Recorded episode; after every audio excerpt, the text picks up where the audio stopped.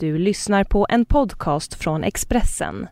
Ansvarig utgivare är Thomas Mattsson. Fler poddar hittar du på expressen.se podcast och på iTunes. Hej och varmt välkommen till Livshjulet och avsnitt 161. Du lyssnar som vanligt på mig, Anna Hegerstrand och jag jobbar som journalist inom livsstil med ett stort intresse för hur vi på olika sätt får ihop våra liv. Detta intresse har resulterat just i den här podcasten där jag möter kända profiler som berättar om sin tillvaro och som förhoppningsvis ger både mig och dig som lyssnar inspiration till att prova något nytt och kanske våga göra annorlunda. Det är som du kanske märkt ganska lätt att fastna i gamla vanor. Min blogg på expressen.se Anna Hegerstrand den heter precis som podcasten Livshjulet. Och i den delar jag med mig av min tillvaro på arbetet och privat. Och tankar om livet och annat som faller mig in att skriva om. Jag tycker såklart också att du ska gå in och följa mig på Instagram där jag smidigt nog heter Anna Hegerstrand. Veckans gäst heter Hanna Hedlund. Ovanligt nog var det första gången någonsin jag träffade henne när vi slog oss ner i podcaststudion på Expressen för att prata bort den timman som du snart ska få lyssna på. Hanna är ju sångerska och programledare. Hon är sambo med Martin Stenmark och stora syster till Lina Hedlund i Alcazar. Och om hennes jobb, relationer och mycket mer ska du få höra nu. Varsågod Hanna Hedlund.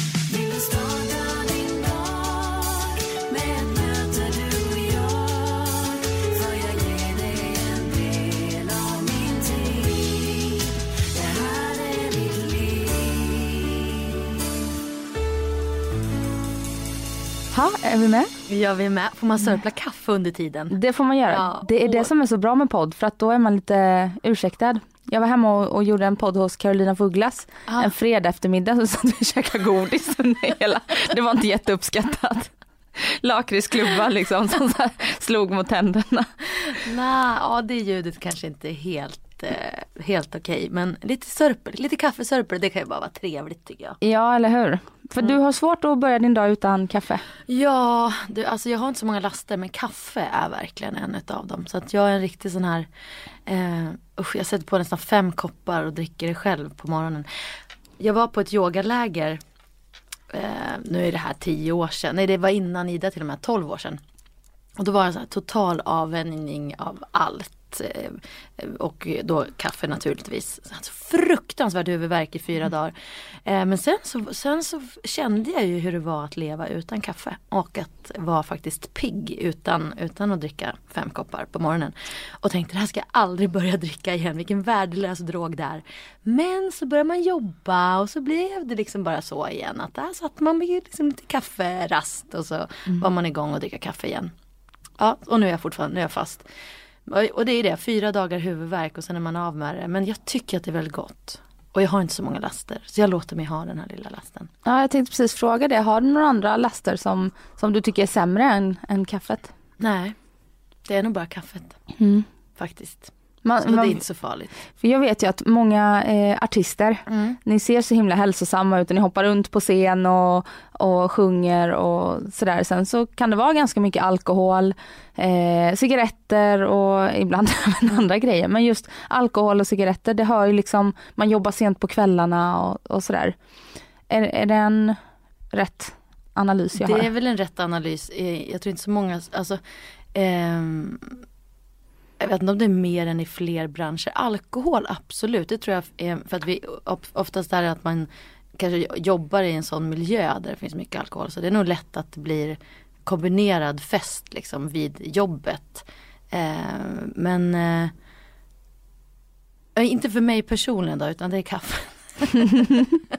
Men för att jag tror att, för vi har också en sån här regel, det går inte att vara ute på turné och komma hem och vara trött och bakis. Den som har varit ute på turné måste komma hem och vara påfylld av energi liksom.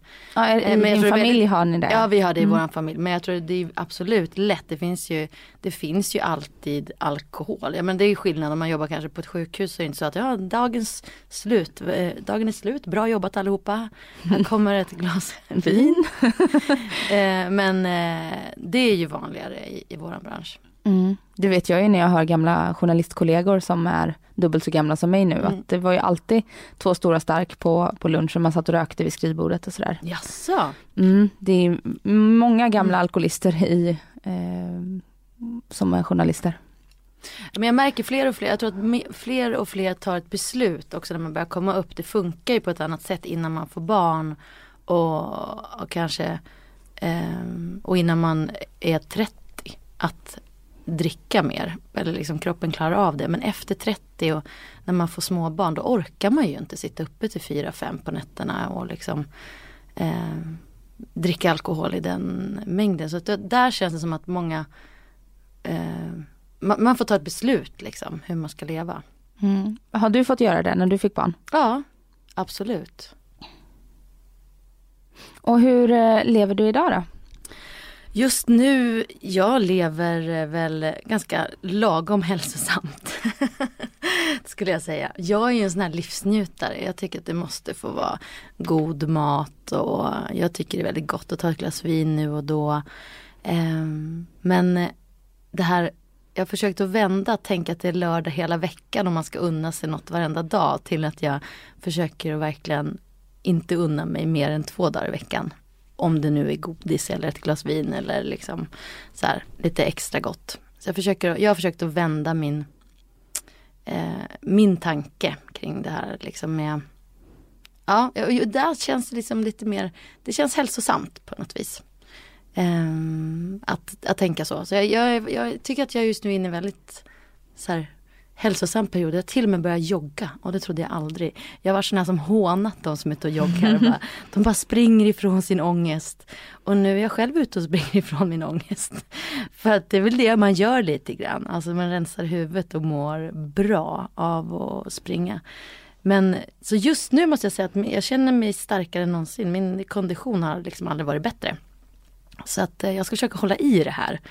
Eh, för tidigare har det varit promenad, jag har alltid rört på mig mycket men, men inte, inte liksom joggat och tagit ut mig ordentligt. Men eh, det är också en sån här del i liksom att barnen blir större och man känner att kroppen har lite grann varit utlånad ett tag till barnafödande och att man faktiskt inte har så mycket tid heller att få in träning i det här att man ska hinna jobba och ha tid eh, för barnen och de kan inte vara själva. Nu, är det, nu kan ju våran 12-åring passa våran 4-åring en timme så kan jag vara ute och, och träna den timmen. Det är helt plötsligt allt blir mycket enklare. Och plus att jag känner lite att nu är jag klar med barnafödandet. Jag har fyllt 40. Nu vill jag plocka hem den här kroppen och liksom äga mig själv. Mm. Eh, eh så att eh, ja, det är mitt fokus lite grann. Mm. Du, du svarade precis på en fråga jag hade där. Är det klart med barnafödande? Ja, jag är jätteklar. och nej, men jag skulle absolut kunna tänka mig att föda barn igen. Ja. Det låter som att jag kan tänka mig att bli surrogatmamma. det kanske är mitt nya, ja. alltså, nya karriär. Så du slipper ta tag i, i kroppen liksom, bara föda barn? jag bara föder barn, behöver inte ta hand om nej. kroppen. Och så får någon annan liksom sköta uppfostrandet. Nej men helt ärligt så är det så här att jag känner att det är så viktigt att, att finnas där för dem. Och man märker det att barn tar ju inte mindre tid bara för att de blir äldre utan tvärtom. Nu vill man ju verkligen vara, hjälpa dem att hitta sina aktiviteter och sin passion i livet och hjälpa dem att odla sina relationer. Så det är skjutsningar och man ska hämta och fixa och don hos kompisar och så här, alla aktiviteter. Så det är ett jäkla skjutsande nu alltså. Till skillnad från när man hade dem i barnvagn och de bara ville vara med mig. Nu vill de ju vara överallt och jag, jag försöker haka på liksom. Mm. Så att jag tänker att jag skulle aldrig ha tid med, med ett fjärde barn. Och eh, nej jag känner mig riktigt klar. Jag gjorde inte det efter två barn. Då hade jag så här, nej jag är inte klar. Jag vill, jag vill vara med om det här igen. Men nu är det liksom, nej jag känner mig så nöjd, tacksam och färdig. Mm. Gud vad skönt. Mm. Och Martin är med på det spåret också. Absolut. Han är nöjd och tacksam. Kåt, glad och tacksam ja. är han. Ja, ja men det är bra. För ja. alla er där ute så hör ni det. Det är bara att komma hem till oss. Han är så tacksam. Ja vad skönt. Eh, och jag träffade ju honom här i somras. Ja. Eh, gästade han livshjulet. Mm. Faktiskt Visst var han glad. Han är jätteglad. Men ni var ju ute på Diggiloo-turné då. Ja. Och jag eh, jagade rätt på er i Eksjö. ja. Mm, innan ni skulle på scen där. Mm. Och då undrar jag, för ni jobbar ju båda i, i underhållningsbranschen mm. som artister. Mm. Eh, och tillsammans ibland. Mm. Eftersom ni Alltså det det var ju faktiskt bara sommaren, sommaren eh, som vi har gjort det. Mm. Vi har ju inte jobbat tillsammans förut. Eh, mer än att vi har kanske gjort en sång ihop vid något enstaka tillfälle. Så här. Men eh, aldrig varit på en turné eller i en produktion tillsammans. Eller, eller liksom så här. Så det var en väldigt intressant upplevelse. Att man helt plötsligt skulle in på varandra. Typ. För även om man utåt sett kan tycka att vi jobbar med liksom samma sak så har det, har det sett ganska olika ut våra, våra liksom arbetsuppgifter. Jag har ju mer jobbat, eftersom musikal är min utbildning. Så att det är det mest jag har jobbat med i musikal och i att gå in i en roll och sjunga utifrån den och vara i en ensemble. Och, eller göra tv. Jag har jobbat ganska mycket som programledare och då är man också liksom lite mer värd för festen och ett sam, samspel. Medan Martin har ju mer gjort sin egen musik och varit eh, i hans eget namn. Liksom. Så, att vi har väldigt, ja, men, så att vi har ju liksom, eh, väldigt olika liksom, egentligen sätt att, att jobba på. Sen har det varit en fantastisk eh, alltså, lycka att kunna ha någon så nära som man vet vill en väl. Som har kunnat varit, vi har kunnat vara varandras yttre öga under alla år. Vi har ändå varit tillsammans i snart 20 år. Liksom. Så man har ju följt varandra och sett varandra och man ja, kan ge feedback och vara liksom, vi är väldigt ärliga med varandra. Och det är ju, det har varit fantastiskt. Men så helt plötsligt då i somras så ska vi båda två vara i, i produktion och då märker man liksom att då var det ingen som var direkt så här då, var vi, då hamnade vi i en helt ny sits. Då fanns det ingen som, som kunde liksom se och bekräfta den andra. Som vi brukar vanligtvis kunna göra när någon är i en produktion. Så För att det ni var för upptagna med... Ja, vi var för upptagna. Ja, och man, och man går egentligen igenom en liten process när man är i en produktion. När man ska först komma fram till vad man ska göra för något. Och så ska man repetera och så hur och hur känns det och hur blir det här. Och, eh, och eh, ja, jag tror att vi, vi var lite så här, båda två var liksom på samma plats. Eh, rent mentalt. Upptagna med sitt eget. Mm. Så att, eh, och så sen då tre barn på det som Som var med på... som, ja, inte under själva produktionstiden, den, det det, då jobbar man ju oftast eh, vanliga tider. Mm. Eh, men så det var nog mer under produktion, under liksom, repperioden som det blev så här, men gud vad, vad det här känns inte, det här känns inte som oss liksom, det här ska vi aldrig göra om. Nej det var så. Ja men jo men så var det lite faktiskt. Och eh, under sommaren, om någon hade frågat i början så här, då hade vi nog också sagt att nej, det här, det här är inte toppen. Men i slutet av sommaren, då, då hade man liksom hittat den formen och då var det så otroligt lyxigt att få jobba ihop. Mm. Så då hade vi ibland mormor som hade barnen och så åkte vi iväg och, och jobbade och bodde på hotell. På, det blir en sån kombinerad semester. Liksom. När man väl är inkörd också i produktionen så går ju allt lite mer på, så här, på rull. Så att det, det var jättespännande. Vi lärde oss väldigt mycket om varann och såg varann i liksom lite annat ljus. Men känner nog att vi ska inte slå våra påsar ihop. Det ska inte bli någon Sonny and Cher av oss. Nej det är så. Det är så.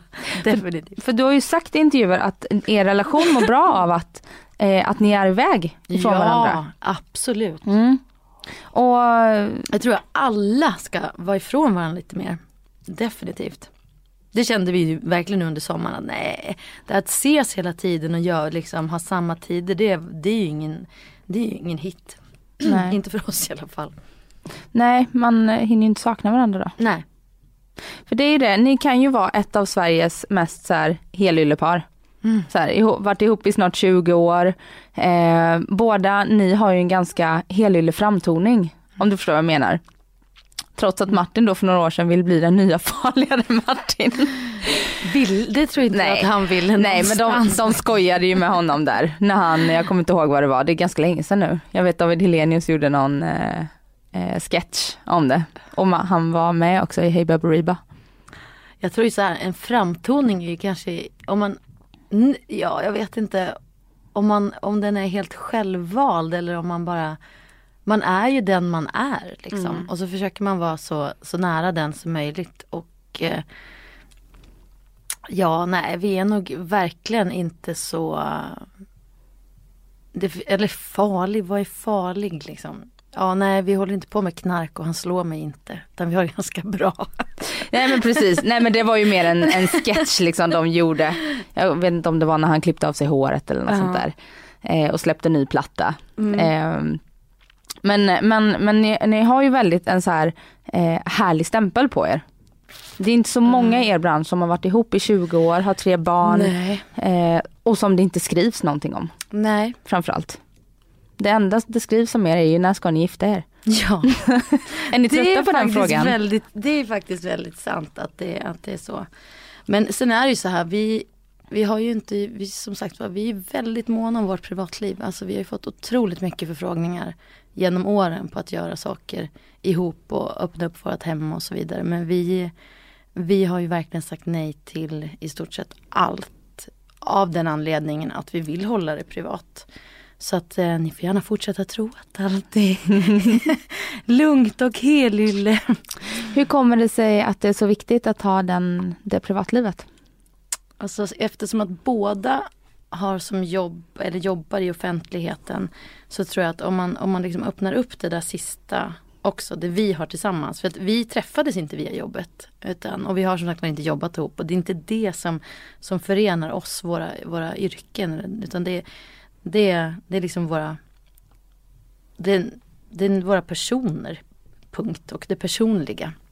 Och det känns som att den biten är inte det som är vårt jobb. Liksom. Och att göra att, att den biten också skulle bli offentlig så att säga. Det skulle ju vara att eh, då skulle liksom ingenting vara privat längre. Så att det har känts jätteviktigt. Vi var ju tillsammans sex eller sju år innan vi fick barn och det var ju på samma sätt innan, innan barnen kom. Att vi inte gjorde nå, något hemma hos eller någonting eh, tillsammans. Ehm, så att det, det är och måste få bli privat. Det blir inga sådana reportage när ni hoppar i sängen och har kuddkrig. Nej, eller Bara- ge relationsråd och sånt där. Nej, Mm. nej.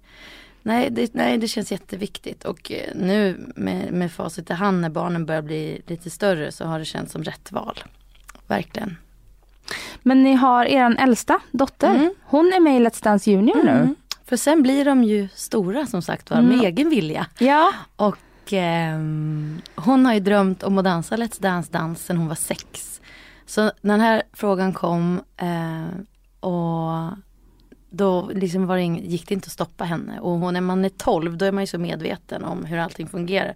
Och idag kanske mer än någonsin så vet man ju hur sociala medier funkar. Och eh, de har ju Instagram och vet, vet allting. Och är beredd på och har sett och varit ute och läst och så vidare. Så att de, de, hon vet vad, liksom, vad det innebär att göra den här. Och hon gjorde det, hon ville verkligen dansa. Alltså det, det här är en sån dröm som går i uppfyllelse för henne. Att få lära sig tiodans. Så att det var bara att, att åka med, hoppa in i bilen och skjutsa till träningarna.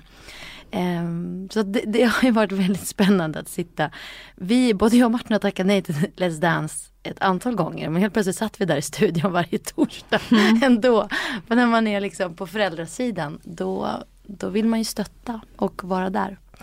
Hur kommer det sig att du har tackat nej till Let's Dance? Du är väl du- jätteduktig Men- på att dansa? Nej, jag är inte duktig på att dansa sån här dans. Jag har snarare fått höra att jag är värdelös på att bli förd.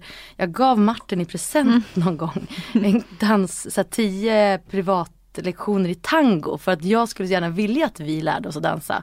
Det här är väldigt länge sedan. Eh, så vi gick på fem av de här lektionerna. Och så säger dansläraren bara att nej men ni har ju allvarliga problem. Hanna du kan inte bli förd och Martin du måste liksom, eh, du, måste, du måste föra henne. Ja men du, så jag bara, ja, vi, så började vi bråka, alltså, vi blev så här osams. Fem, fem lektioner tog det och sen, sen var vi liksom osams. Så, så vi fullföljde aldrig det där. Nej. Men jag drömmer fortfarande om att vi ska dansa någon gång. Eh, det skulle jag verkligen vilja. Men, Men- inte i tv? Nej, inte i tv. Sen är det inte bara där, för det har liksom inte passat heller. Det har, det har inte funnits tid ehm, de gångerna. Men eh, så man ska aldrig säga aldrig. Nu har man ju sett det på nära håll och det verkar ju väldigt, väldigt kul. Ehm, men som sagt var, eh, det måste kännas helt rätt. Mm. För a- anledningen till att jag tänker att du, för du jobbar väl lite med dans? Alltså du undervisar väl i dans? Nej, nej, nej, nej. Har jag fått fel där? Men för Balettakademin, Ja, vad är det du gör jag där? jobbar, jag är teaterpedagog. eh, Aha. I, i, för länge, länge sedan så utbildade jag mig till det och har lett körer och haft teatergrupper. Så att jag, jag undervisar i scenframställning Aha. som teaterpedagog. Så att jag kan inte dansa. Alltså jag ska säga, jag kan röra mig, jag kan ta en koreografi, alltså jazzdans. Men det, är- det är något helt annat än, än tiodans. Men jag kan absolut inte undervisa i, i dans. Utan, Nej, okej. utan det är teater och scenframställning. Mm. Så att sen hjälper jag ju dem såklart. Jag har ju eh, tagit sånglektioner i över 20 år så man kan ju visa knep där också. Ja. Men det gör jag, det är mitt, eh, min tredje klass som går ut nu. Eh, så att, eh, Så du har ett vanligt jobb också? Jag har ett vanligt jobb fast det här är bara en dag i veckan. Jag hade de två förut men nu har jag gått ner till en dag i veckan. Eh, jag tycker det är helt, det ger så otroligt mycket att jobba med de här ungdomarna. Eh, och få liksom, och ha ett, ett samband som alltid pågår. Det pågår alltid oavsett produktioner som man eh, gör så har man någonting som är ens jobb där, där det liksom är lite vanligt. Jag har fått mer och mer så här behov av det, att man måste ha lite struktur och att kunna jobba lite dagtid så här. Eh, men det har varit, och det har varit, eh, eller är, eh, helt underbart att- jobba med dem. För att man, man får så mycket tillbaka. Och nu är jag lite separationsångest för att nu hade vi sista lektionen igår. Så har de musikcafé på onsdag så kommer jag stå där och, och gråta lite. Ja. Kommer du ta en ny klass nu till hösten då? Mm. För du har, eh, du ska ju gå, eh, vara med i Sune, Jajamän. Kaos i fredagsmyset. Ja. Som har premiär i eh, september. ja. Ja. 24 september. Mm. Och jag har ju pratat med två av dina kollegor som kommer vara med där, både Amy Diamond och Pernilla Wahlgren. Mm. Eh, och då tänker jag, man- då börjar ni repa eh, en stund innan antar Ja. i sommar eller? Mm, I augusti. Ja. Hur funkar det då när man är, för det verkar vara väldigt intensivt när man är i produktion och repetition och Ja. sådär. Hur funkar det att kombinera med det här andra jobbet då? Mitt andra jobb är ju bara på måndagar. Så att, eh, och, Och då är ni alltid lediga ja. 9 till 12 så att det, det går absolut, det har ju gått Ja, att okej. kombinera med i stort sett allt Mm. eh, under tre års tid. Så att, eh, eh, och sen såklart så, så kan vi byta vi lärare också om det, om det liksom krånglar. Eh, så att, men det brukar det inte göra. Och som sagt var måndagar är en väldigt bra dag för oss artister eftersom Mm. det är oftast den lediga dagen. Mm. Då går man på galapremiär och jobbar med vanliga jobb. är det inte så? Precis, lite så. Det är lite så. Eller dubbar gör vi också. Ja just det. Men som så här, vad heter det, vampyrer liksom. Som lever lite andra tider än alla andra. Ja exakt. Ja. Men det här behovet av att ha ett vanliga tider Mm. och struktur och så, har det kommit med åren? ja, det är ett typiskt tecken på att jag börjar bli gammal tror jag. jag vill så här, nej men jag, jag, jag, känner att jag trivs i det och har vissa sådana här fasta grejer. Sen har det här varit en sån sak som jag har Alltså väldigt, väldigt tidigt, alltså direkt efter jag gick ut gymnasiet så jobbade jag som kamratstödjare och ledde, hade teatergrupp och, och körer uppe i Hälsingland. Och jag har alltid tyckt om det väldigt mycket. Så sen utbildade jag mig till teaterpedagog eh, några år senare. Och så har jag bara varit så här, ja men någon gång vill jag jobba som, med det också som en sån eh, så här, eh, ja liksom extra grej. Och så har jag bara väntat på att det ska bli, bli rätt tillfälle. Så var jag med i körslaget och då blommade det upp den här längtan. Jag bara, gud vad det här är roligt att leda en, eh, liksom en kör och Du vann va? ja. Ja. Och, det här, och då tror jag att jag hade verkligen användning för min utbildning och liksom plocka fram saker i folk och få dem att tro på sig själv och köra järnet och, och tänka ut vilka nummer vi ska göra och låtarna och hur och på vilket sätt. Och, eh, jag har ju lite så här regidrömmar som jag vill genomföra framöver. Mm, det låter så. Ehm, och nej men så, så dök det här upp eh, för en kompis till mig ehm, eller en, en gammal arbetskollega är konstnärlig ledare för, för den här nya musikallinjen då, som startades för tre år sedan. Så bara, men vill du inte in, komma in och jobba lite? Jag bara, jo! Och det är tre år sedan och nu är jag kvar. Mm. Och mm, i Sune då, i, i höst? Vad, Ja, det ska bli så roligt. Jag har ju jobbat med Morgan Alling hela våren. Vi har gjort en musikal som heter Murder Ballad. som han har regisserat. Ehm, och han var så bra så att jag är jätteglad för att jag ska få jobba med honom igen i höst. Eftersom att han regisserar den här föreställningen också. Och så ska de ju, håller de på nu och skriver om manuset riktigt. Så jag har inte fått det slutgiltiga manuset. Vem är du i Jag är mamma i familjen Grå. Så att jag ska vara väldigt, väldigt grå tydligen. Mamma i familjen, inte Sunes mamma då? Nej, för det är Nej. Pernilla.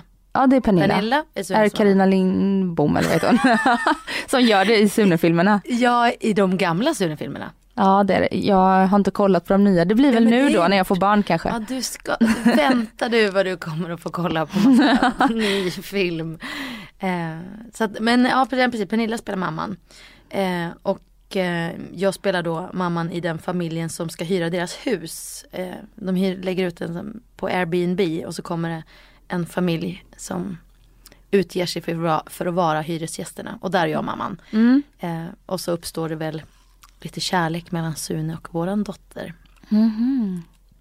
Men som sagt var, det slutgiltiga manuset har inte jag läst riktigt än. Så att jag vet inte riktigt. Men det kommer att bli något sång och dansnummer där också i mitten. Ja det är det. Mm. För, för musikal, eh, det är ingen musikal Sune. Annars. Nej, men det är ju lite musik i det och eh, Mm.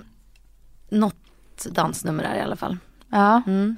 Vad är det som eh, är så roligt med musikal då annars? Jag vet du gjorde din, någon av dina drömroller är ju den här Rock of Ages rollen du gjorde. Nej, inte drömroll kanske men jag tyckte väldigt mycket om själva musikalen. Men Ah, the, the Last Five Years, en musikal som jag gjorde på Göteborgsoperan, det var nog en av mina Mm. bättre roll kommer jag nog aldrig att göra. Den var, den var fantastisk. Nej men jag, för jag tror så här, jag är uppväxt i ett hem där det har musicerats alltid. Och eh, sen var det för mig när jag hittade teatern, då kände jag liksom att gud fick jag tillgång till så här, alla, alla uttryck och alla känslor som jag hade. Jag upplever att jag nog varit väldigt så här, alltid har varit väldigt lätt för empati även som liten. Så jag kunde känna igen känna in vad andra tänkte, kände och, och hade lätt att sätta mig in i andras känslor. Och, men i teatern så fick jag så här utlopp för det där. Att få spela en karaktär, förstå, förstå den och, och vara den. Så att när jag första gången såg en musikal då gick jag liksom i högstadiet. För det var inte så att det fanns så mycket musikal uppe i, i Hälsingland Nej. på den tiden. Eh, Men jag hade en, musik, en musiklärare som hette Magnus som öppnade upp det här med musikal. Han bara, ni började sjunga musikal med oss. Så för mig blev det en sån här på högstadiet. Bara, vad kan man göra det samtidigt? Spela teater och sjunga utifrån. Nej men det här är helt fantastiskt. Och så presenterade han Les Misérables och så åkte vi ner och såg den sen på Cirkus med Tommy Körberg bland annat. Och jag blev så här, jag kommer ihåg det som en så här helt utanför mig själv upplevelse. Jag bara grät för jag tyckte det var helt fantastiskt och den här musiken och de här karaktärerna hur de bara fick liv och jag tyckte det var en helt det var så här magisk upplevelse. Eh, och sen, sen blev jag liksom helt musikaltokig och satte mig in i allt och älskade att titta på musikalfilmer och leva mig in i den här i de eh, eh, världarna och det har fortsatt så att jag har ju eh, jag tycker fortfarande att det är den optimala för mig konstformen när det är bra. Sen kan allt, det fin- finns det sånt som är, är pajigt och platt och, och dåligt men det finns det ju i precis allt i, i vilken genre eller konstform du än pratar. Men jag tycker fortfarande när det är liksom, när det är riktigt bra, när liksom då är det det bästa som finns. Och jag åker till London eller New York nästan varje år och kollar på vad som är ute på, på scenerna. Så att jag är nog lite av en musikalnörd. Mm. Älskar musikaler. Mm. Mm. Du har ett bra jobb då. Ja, jag har ju det. Men det är ganska slitigt vad jag har förstått. Det är det. Och jag gjorde ju, hade ju bara jobbat egentligen med musikteater eh, fram till när jag blev gravid första gången. Och då var jag så här, bara, nej men nu vill inte jag det här mer. Jag kan inte stå på scen fem dagar i veckan och, och vara borta så här sena kvällar. Så att eh, då, då ledsnade jag jätte och ville inte, ville inte göra, men inte på själva konstformen utan mer på att jobba de tiderna. Kan inte det handla om, eh, för jag känner igen mig själv, Mm. att man går in i den här lilla bubblan och Jo det tror jag absolut. bebisbubblan. Ja men och att man känner att man, man vill inte lämna dem liksom. Och helt fel tid att gå ifrån dem på kvällen. Nej det kändes helt fel för mig. Så att eh, det var ju så jag egentligen kom in på tv. Att jag började eh, tänka att jag skulle vilja ha någonting som var dagtid. Och som var lite annat. Eh, egentligen allra först så började jag faktiskt plugga på universitetet i, i Stockholm. På läsa teater, teatervetenskap. började jag plugga för jag tänkte jag måste göra något annat nu. Nu är jag klar, nu får jag göra något annat. Men eh, så jag pluggade där bara några månader och sen Sen dök det upp någonting, jag kommer inte ihåg exakt vad. Men så bara, nej men, nej men jag är nog inte klar ändå med de här. Nej, jag tror att när man har det yrket Mm. som du har och också som jag Mm. har, för det är ändå så ett, ett kreativt Mm. yrke, man har det i sig på något Mm. sätt, man blir inte klar. Nej, och man kan hålla på fortfarande och vara så här, nej men gud men nu, nu, det är nu, nu börjar den att plugga. Nu, Mm. nu tar jag min reservplan. Men precis då så händer ändå något som gör att, nej, nej men inte riktigt än. Nej men nu, och så kommer man på en idé och så vill man genomföra den. Mm. Och i, för, ja, jag har ju fortfarande liksom musik som jag vill få ur mig och göra fler plattor. Jag har ju bara gjort en platta liksom. Och eh, ja, nej, men det finns massa saker jag vill göra. Så att, Så du vill också jobba lite som Martin gör under ditt namn och göra musik och så? Ja fast jag vill gärna göra liksom, föreställningar kring det. Jag gjorde Mm. det då, en mammaföreställning när vi väntade Love. Och eh, där känner väl jag, där ligger mer mitt, mitt uttryck. Att det både är, att det liksom Ja, föds ur någonting. Men sen har jag en liten hemlig dröm också. Jag är ju uppvuxen med jazz och har sjungit det mest av allt egentligen. Så jag har någonstans här att jag skulle verkligen vilja göra en riktig jazzplatta. Och, och sjunga på jazzklubbar och göra hela den grejen. Mm. Men då måste jag ju börja röka. Nej. Ja precis. Sen vad jag har förstått så är det inte så inkomstbringande att Nej, det är ju inte det. jobba med det. Nej, det är ju inte det. Men det kanske kan gå att hitta på ett sätt. Ja precis, Ja. extra knäck. Ja, varför inte? Precis. Men du är uppvuxen i Hälsingland i Ja. Kilafors. Ja. Mm. Det är ingen stor, Nej, det är ett väldigt litet samhälle. 2000 invånare. ja. Mm. Och hur var din uppväxt där? Åh, den var, jag minns den som liksom fri, fri uppväxt skulle jag vilja säga. Alltså, mina föräldrar var ju lite så här, eh, vad ska man säga? Men pappa var ju akademiker och hade liksom pluggat i Uppsala och flyttade tillbaka hem och började liksom undervisa i franska och engelska. Och mamma jobbade eh, inom sjukvården. Ehm, men samtidigt så var de väldigt, alltså båda två var ju, har ju alltid hållit på med teater och musik och väldigt engagerade där uppe. Pappa startade storband i lilla Kilafors liksom, med Mhm. 2000 invånare. Så för mig var det som att alla vi kände spelade ett instrument. Liksom. Och det var alltid musik hemma och han hade repverkstad i, ute i garaget. Eller repverkstad, finns väl inget ord som heter så. Rep, Replokal i verkstaden. i verkstaden, så heter det. Men alltså att det var ju så här lite absurd situation egentligen att det, så här, att det alltid spelades. Och mamma sjöng i kör och, och liksom höll på med eh, teater. Och de, så att jag upplever att det var ett väldigt så här, det var ett kreativt hem. Där liksom, det var väldigt så här, tillåtande och ja, det var alla åldrar och det var, det var bara det var ett skapande hela tiden. Någon gjorde konserter och sen någon gjorde det och så startade någon en cirkel och så rutt, rutt, och så var det bokklubb och så var det kvinnocirkel och så var det storbandsjazz igen och så var det Så att jag känner att de inspirerade mycket till att eh, att man skulle starta saker själv och bara göra det. Så att jag har varit väldigt aktiv under hela uppväxten just att vara, jag var med, gjorde många saker liksom. Jag tänker så här ibland så låter det så här absurt när jag bara, ja men jag har ridit och när jag spelar fotboll och när jag åkt slalom och jag på med teater och jag på med, med det och jag spelade trombon och jag sjöng i kör och jag, alltså men herregud vilket stressat barn. Jag hade lite svårt att hitta mig själv. jag satt toksplittrad liksom. Men, eh, men så var det, jag var väldigt liksom aktiv i olika och hade kompisar i, i alla olika läger också vilket var har jag tänkt på så här i efterhand att jag var liksom både kompisar med de, de coolaste för jag tyckte också det var kul att gå ut på, på, på, på helgerna samtidigt som man satt i lilla orkestern med de som var lite mera så här, ja, ordningsamma och pluggade och liksom man hade kompisar i alla, alla läger. Och det Fick man vara med de coola då när man även var med de som inte var så coola? Ja, ja, alltså de, de, vi var ett tjejgäng som var väldigt starka och där var det, det var ju väldigt, vi var väldigt starka tjejer men de, och de var liksom så här jätte, två av mina kompisar var så jättepunkare men kom ändå på varenda litet jazzgig som jag hade. Så satt de längst fram och liksom Med tuppkam. Det var så bra, ja men det var så. Ja, så här, nej men så att, eh, nej men nej, jag hade väldigt eh, bra uppväxt. Med många olika typer av människor. Många stort eh, färgstarkt persongalleri runt omkring mig. Um, och så, så tycker jag att jag lever fortfarande egentligen. Jag försöker inte vara, vara dömande utan hålla det liksom um, Jag tror att uh, vi, är så, vi, är så mer, vi är så himla lika fast vi tror att vi inte är det liksom. Men menar, det, det, det upptäckte man ju väldigt tidigt på ett sånt litet ställe om man, om man verkligen är i där blir det så tydligt också vilken typ folk är för att alla känner alla och nästan så att man har någon stämpel på sig när man föds. Vem mm. man är för att man är den och dens dotter eller den och dens son. Och så lär man sig tidigt om man eh, liksom vågar hänga med alla sorter att shit, gud alla är ju exakt likadana. Men mm. gud va. Sen, sen, sen kan man vara mer eller mindre trygg som sagt var. En punkare som inte vågar sitta på en jazzkonsert för att, ens, att det är pinsamt att vara kompis med den. Den det lärde jag mig också, att den människan är inte värd att vara kompis med. Men den trygga, den som vågar vara alltihopa, det är där. Det är ju grejen om man vill få ut så mycket av det här livet som möjligt. Mm. Att det inte var så dömande och liksom. Det var en väldigt eh, klok insikt mm. tidigt i mm. livet. Så klok var mm. nog inte jag.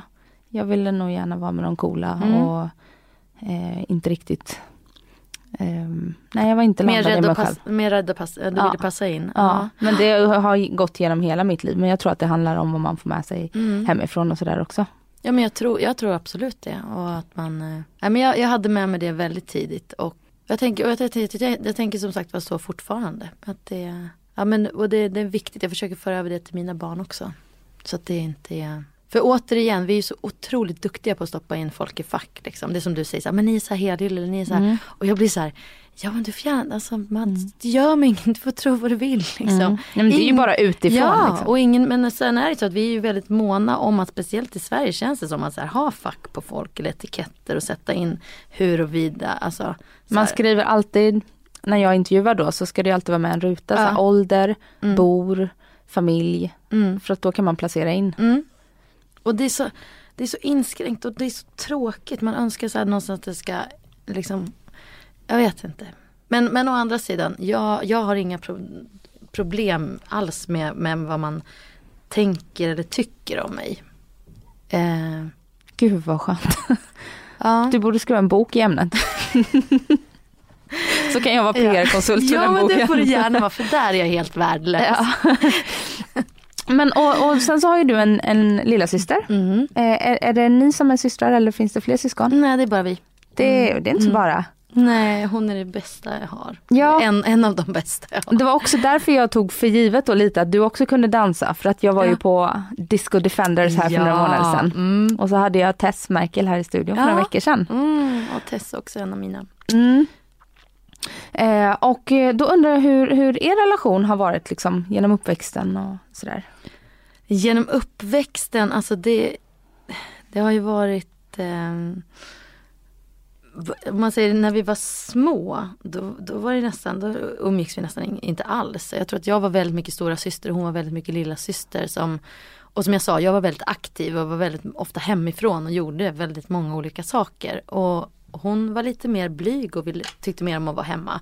Så vi var ganska olika som personer, eller personligheter då.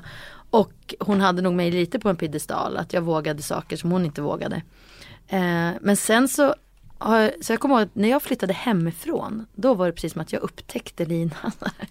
och det, alltså, det låter ganska hemskt men precis som att jag så här, helt plötsligt så såg jag henne som den hon var, liksom personen eh, Lina. Och inte bara den som var jobbig och var inne i mitt rum och liksom tog mm. mina kläder och ville vara med mina kompisar utan så här, för den hon var. Så där någonstans utvecklade vi vår egna relation skulle jag säga. Från att jag flyttade hemifrån och jag var 17, 18 när jag flyttade hemifrån. Och hon är tre år yngre va? Ja. Eh, men, och sen har vi varit väldigt nära hela tiden och det har inte varit helt lätt. Utan det, ja, vi har verkligen fått stött och blött eftersom att vi har valt att gå i samma spår. Ja, precis. Eh, så har det också eh, varit eh, liksom situationer där, eller det har varit perioder ska jag säga, när vi, när vi skulle försöka jobba ihop. Där det blev så tydligt att ingen av oss egentligen ville det. Utan återigen, det är lite samma sak kanske som det jag beskrev förut med Martin. Att vi behövde vara isär för att kunna vara varandras stöd. För när vi var mitt i det tillsammans så blev det som att vi kunde bråka liksom, komma till en foto session och bara jag vill ha den där klänningen, nej jag vill ha den där klänningen, men jag satte först som sex. Alltså, moget.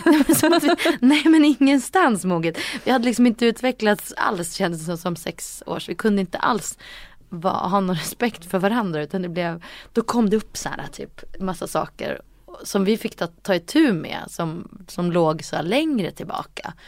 Saker Lina hade känt och saker jag hade känt och som jag tror alla syskon känner. Man hamnar, ja men du fick det och jag fick inte, ja men du fick det och jag fick inte. Sådana där saker som låg och grodde.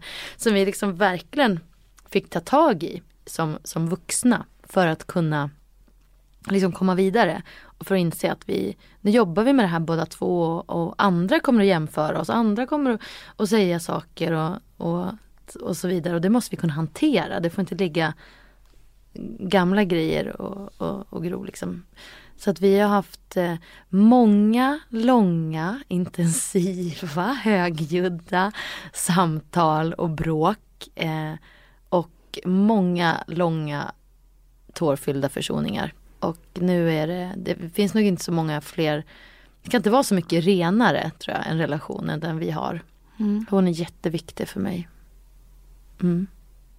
Jag förstår precis. Jag har en syster som är sex år yngre mm. och jag tror vi skulle aldrig kunna jobba ihop. Nej. Hon är också en av mina absolut närmsta. Ja. Men jag tror att man måste kunna se en relation, vad en relation behöver. Ja, men Det behöv, behövs lite distans här. Mm. Eh, och nu kanske vi ska vara ifrån varandra och sådär. Det är mm. ju att vara ärlig mm. mot sig själv. En del påtvingade relationer, det blir aldrig bra. Men när man har en bild av hur en relation ska vara. Ja. ja men vi som har så kul, vi borde ju kunna för mm. att vi har ju så, vi passar ju så bra, det borde ju bli bra. Ja fast nu blev det inte det. Acceptera det, att se varför, gå vidare. Det är, och våga släppa liksom. Det tror jag är mm. viktigt. Ja. Och det är smärtsamt också för man måste erkänna massa saker hos sig själv. Fulsidor som man inte vill ha. Ja men jag känner mig lite liten när du får det där. Eller jag känner mig... Mm. Alltså, så det är ju... Man måste ju fram med smutsen för att kunna bli hel liksom. Ja exakt. Mm. Usch. Usch, ja men det är ju så. Mm. Verkligen. Um, ekonomi mm. är ju en del i det här livshjulet. Mm. Vad är pengar för dig? Pengar är väl också en slags frihet skulle jag säga. Jag hade mitt första sommarjobb när jag var, gick eh, i sjuan. Så från sjuan har jag egentligen tjänat liksom mina egna pengar som jag har känt att jag kunnat resa för eller köpa den där coola tröjan för det hade inte mamma och pappa råd med. Eller vi reste aldrig men jag kommer att jag, jag liksom tjänade egna pengar, jobbade där på, sålde mjukglass på, på Domus i Bollnäs. Och sen jag jobbade på hemtjänsten och så sjöng jag mycket då med storbandet och så här och tjänade lite, lite eh, pengar som jag kunde spara till och framförallt resa. Det har varit en av mina passioner, att resa. Så jag kommer ihåg första, var i, i sommarlovet till första ring så åkte jag iväg och flög för första gången, hade aldrig flugit innan eh, tillsammans med, med två kompisar. Så var vi i Brighton på en helt galen resa. Men den behöver vi inte prata om nu. den är preskriberad. Men den är preskriberad också. Nej men jag tänker att så det har väl varit det, och det betyder det väl fortfarande att ha pengar så att man kan göra de där grejerna. Det där att kunna resa, för mig är det jätteberikande att resa. Jag vet att ni åker iväg en lång period varje vinter. Mm. Till typ samma ö i Thailand. Ja, det har vi gjort. Eh, och det har inte varit kanske för att då upptäcker man inte så många nya platser men man upptäcker eh, sig själv och varandra väldigt bra. Eh, så den resan har verkligen, det har varit en sån här eh, men vi synkar liksom ihop hela familjen. Eftersom att vi är ganska utspridda, jag och Martin, under resten av året så har det varit viktigt att ha en så här, eh, en tid där man bara är med varandra och verkligen synkar ihop. Eh, så då bor vi alla typ i en bungalow på stranden. Eh, och klarar man det i tre och en halv vecka då vet mm. man att det finns något kvar. Ja. Nej men det, det är alltid så påfylld efter, efter de, de resorna. Sen försöker vi göra andra resor också. Vi reser ganska mycket för att man vill ju också se andra platser. Men det där har blivit våran ö och vi upptäckte den det är också så här, ja, 20 år sedan på vår första backpackersresa som jag och Martin gjorde själva. Eh, så hamnade vi på den ön och eh, blev helt förälskade. Och jag är inte säker på att jag skulle bli förälskad i den ön om jag kom dit idag. För nu är den ju, den är mer exploaterad. Men för oss är det fortfarande den där, har den det där. Vilken ö är som det? Vi, Koh Tao. Ja det är Koh Tao. Mm. Har den det som vi liksom upptäckte första gången. Men, eh, men nu är man ju tvungen att åka när alla andra åker. För, på grund av skolorna. Och då är det ju något helt annat. Liksom. Eh, men nu har jag velat känna många som bor och jobbar där så här. Så att det blir ändå som att, lite, som att komma hem nästan när man är Ja. där. Är ni där över jul och nyår och sådär då? Ja nu har vi fått vara det. Eh, fast eh, nu, nu har det blivit vartannat år vi har åkt dit. Så vi gör lite andra resor också. Men, eh, men det är någonting med det där att inte vara på så många andra platser än, än den lilla ön. Under en ganska lång tid. Jag yogar och eh, han springer. Och så sen, sen bara är vi med barnen och man är och låter alla samma tempo och man samtalar och man liksom egentligen har ganska tråkigt jag säga.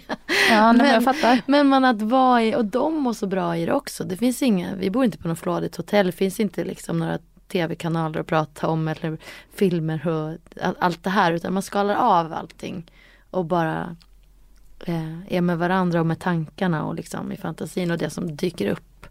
Och, och samtalar med andra människor som kommer med, ja ah, men vart har ni varit? Har ni varit där? Jaha, rest eller jaha, vad? Åh, har ni sålt allting och ute? Man träffar ju massor av människor som gör jättespännande livsval och det är så berikande och liksom prata med folk som har tagit helt andra typer av val i livet än vad vi gör. Mm. Så att eh, Nej men det, det är berikande. Men nu i vintras då var vi faktiskt ett helt gäng som åkte. För vi har, prat, vi har väl blivit att vi har pratat om det här så, till så många av våra vänner. Eller de vet ju att vi åker dit. Så att nu, nu var syrran och ja, tre familjer till. Så att vi var fyra, fem familjer. Vilket var jättehärligt. För vi bodde ändå på olika hotell så att vi inte var styrda av varandra. Och så bara möttes vi i vattnet och, och gjorde grejer ihop. Så att eh, det var jättemysigt. Mm. Är det på vintern som ni lägger er semester och Mm. på sommaren jobbar ni? Mm. Fast i sommar ska jag försöka vara ledig. För vi har köpt sommarhus uppe i Hälsingland. Ah. Där jag vill vara verkligen i sommar. I din hemby Ja. eller vad man säger? Mm. Mm. Strax utanför.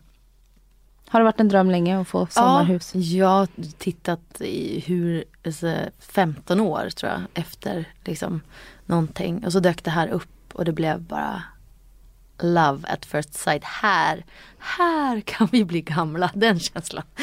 Eller herregud, jag är redan gammal. Men eh, äldre.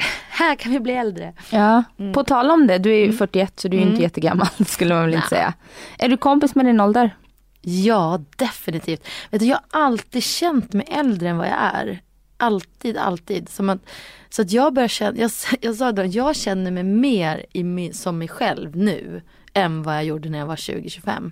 Alltså att jag så här, "Ah, men nu, nu känns det som att så här, nu tänker jag som, en, som jag ser ut. Ja. Alltså, jag har alltid känt mig äldre. Eh, Och alltid haft äldre kompisar också. Men, eh, så nu, nu börjar jag så komma ikapp i min, i min ålder. Mm. I din bransch är det ju ganska både ålders och utseendefixerat. Mm. Eh, har du några tankar kring det? Att det kommer bli eh, krångligt med jobb eller? Eh, Jag, jag har ju alltid tänkt att det ska vara krångligt med jobb. Ja. Jag har alltid varit så här, det kommer aldrig funka och nu är ett år till, ja, men vi tar ett halvår i taget. Så att jag tänker att det är inte så stor skillnad. För mig har det alltid varit som att jag håller på så länge det funkar och sen gör jag något annat. Och nu känner jag nog mer än någonsin att jag gör inte vad som helst utan det måste kännas bra och givande och, och liksom eh, så att, eh, och annars gör jag något annat. Så att jag tänker att jag har ju också ett val, liksom, om jag vill eller inte. Men eh, och jag tänker att eh, jag är mycket mer sams med hela mig själv och mitt utseende än vad jag var när jag var yngre. Så att jag vill ändå inte byta på något sätt. nej.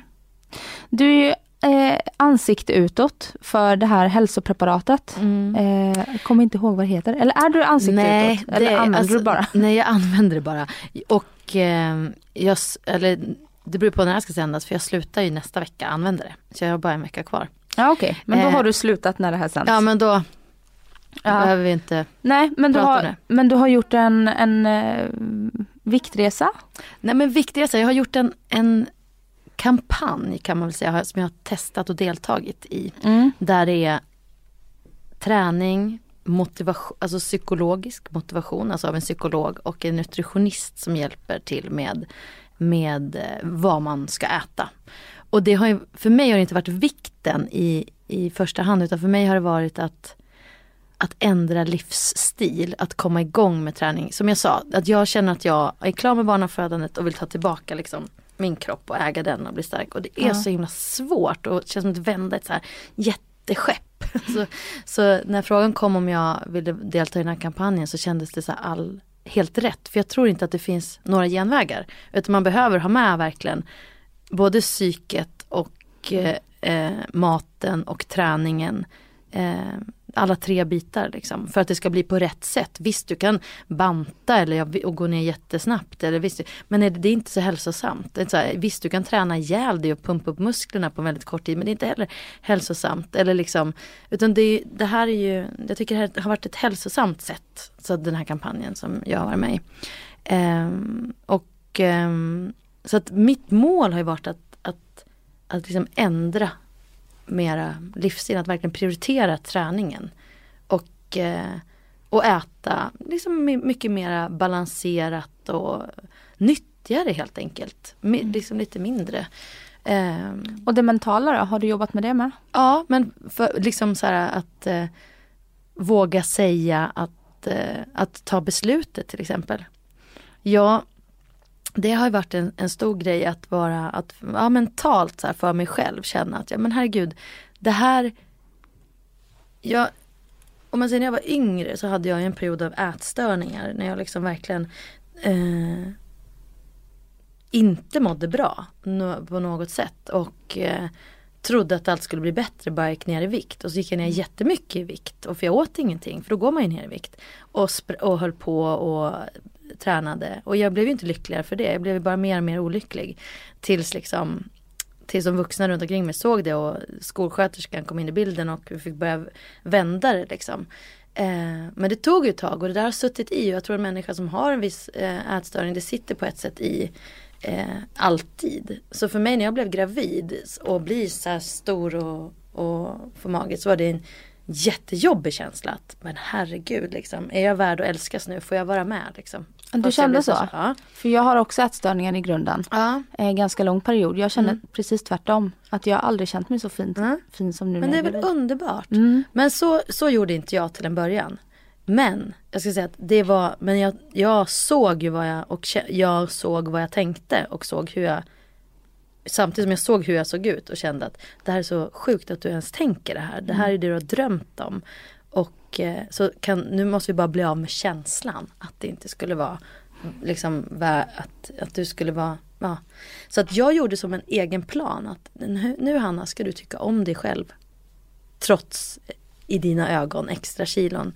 Eh, så att för mig var det verkligen en jätteresa under hela graviditeten att så här, tillåta mig själv och bara eh, tycka om mig själv och bli då i mina ögon tjock eller vad man ska säga. Och, och även efter att inte stressa. Det var en sån jävla hets efteråt att komma i sina jeans det fortaste man kunde. Och jag märkte direkt hur min hjärna klickade in att jag skulle börja göra upp en plan och dutt, dutt, för att bli smal. Så här. Och bara nej, jag ska inte fastna i den här fällan. För att jag vet att man inte blir lyckligare. Jag vet att det inte är där det sitter. Eh, så att jag jobbade så mycket med mig själv att verkligen så här, omfamna min, min nya slappa mage och mina tjockare lår och min rumpa. Och, ja, men verkligen så här, jobbade. Och det har jag gjort i, och, och liksom i, under egentligen de här 10-12 åren. Att, att så här, jag, ska inte, jag tänker inte börja banta av den anledningen att jag ska bli smal för i någon annans ögon. Eller, och jag, det har gått jätte, bara för mig själv också. Återigen hade jag ju sådana tankar, nej men gud nu kommer jag kanske inte få jobb och nej men nu är inte jag värd att liksom få vara med för att jag är så mullig och bla bla. Men tvärtom så har det ju gått jättebra och jag har fått bevisa för mig själv att jo du kan visst ta platsen och jag har fått så jävla mycket förfrågningar. Kan du vara med i, i det här och det här bantningsgrejen och den här bantningsgrejen och kan du vara med i Du är vad du äter och man bara men fuck off jag tänker inte vara med. Nej. Jag tänker vara mullig och jag tänker tycka om mig själv. Ja. Liksom. Eh, Värdet sitter ju inte i det. Värdet sitt, nej men, men för värdet, det- och det vet man ju intellektuellt, men när man verkligen känner att man tror att man ska liksom vara lyckligare. Så för mig är det så här, det har varit så jäkla viktigt att eh, komma förbi alla de här eh, grejerna att det skulle sitta i Alltså i mig själv, att jag tror att jag skulle bli lyckligare för att jag blir smal helt enkelt.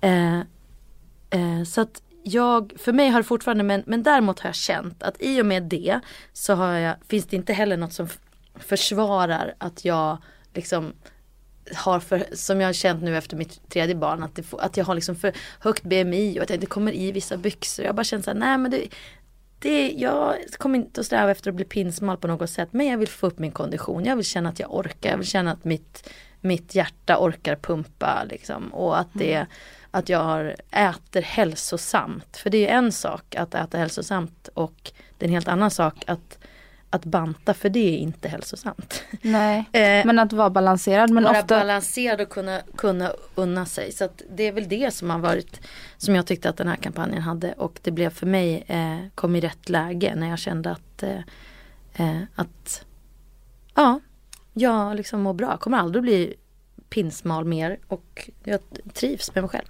Mm.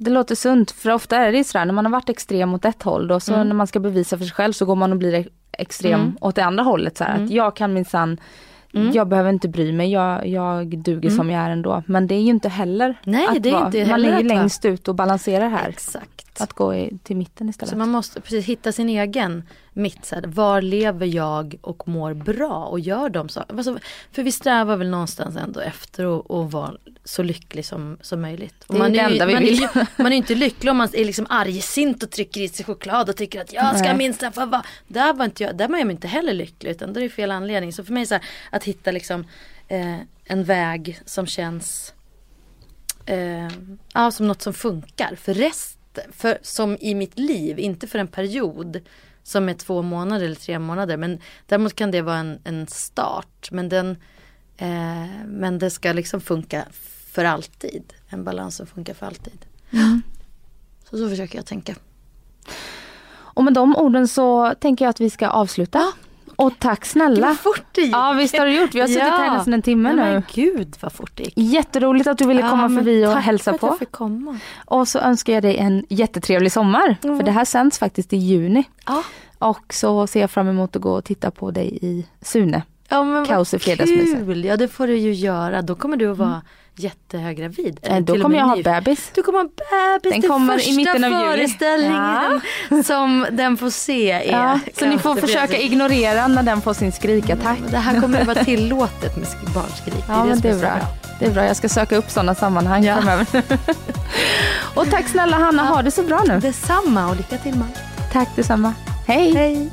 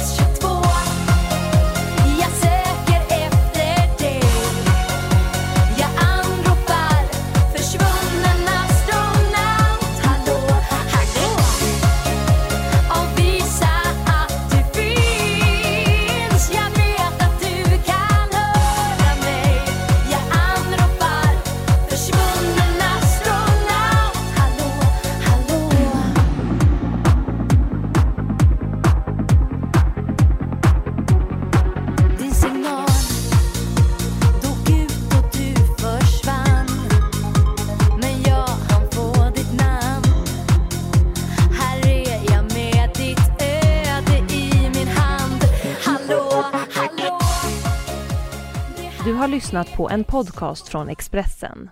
Ansvarig utgivare är Thomas Mattsson. Fler poddar hittar du på expressen.se podcast och på iTunes.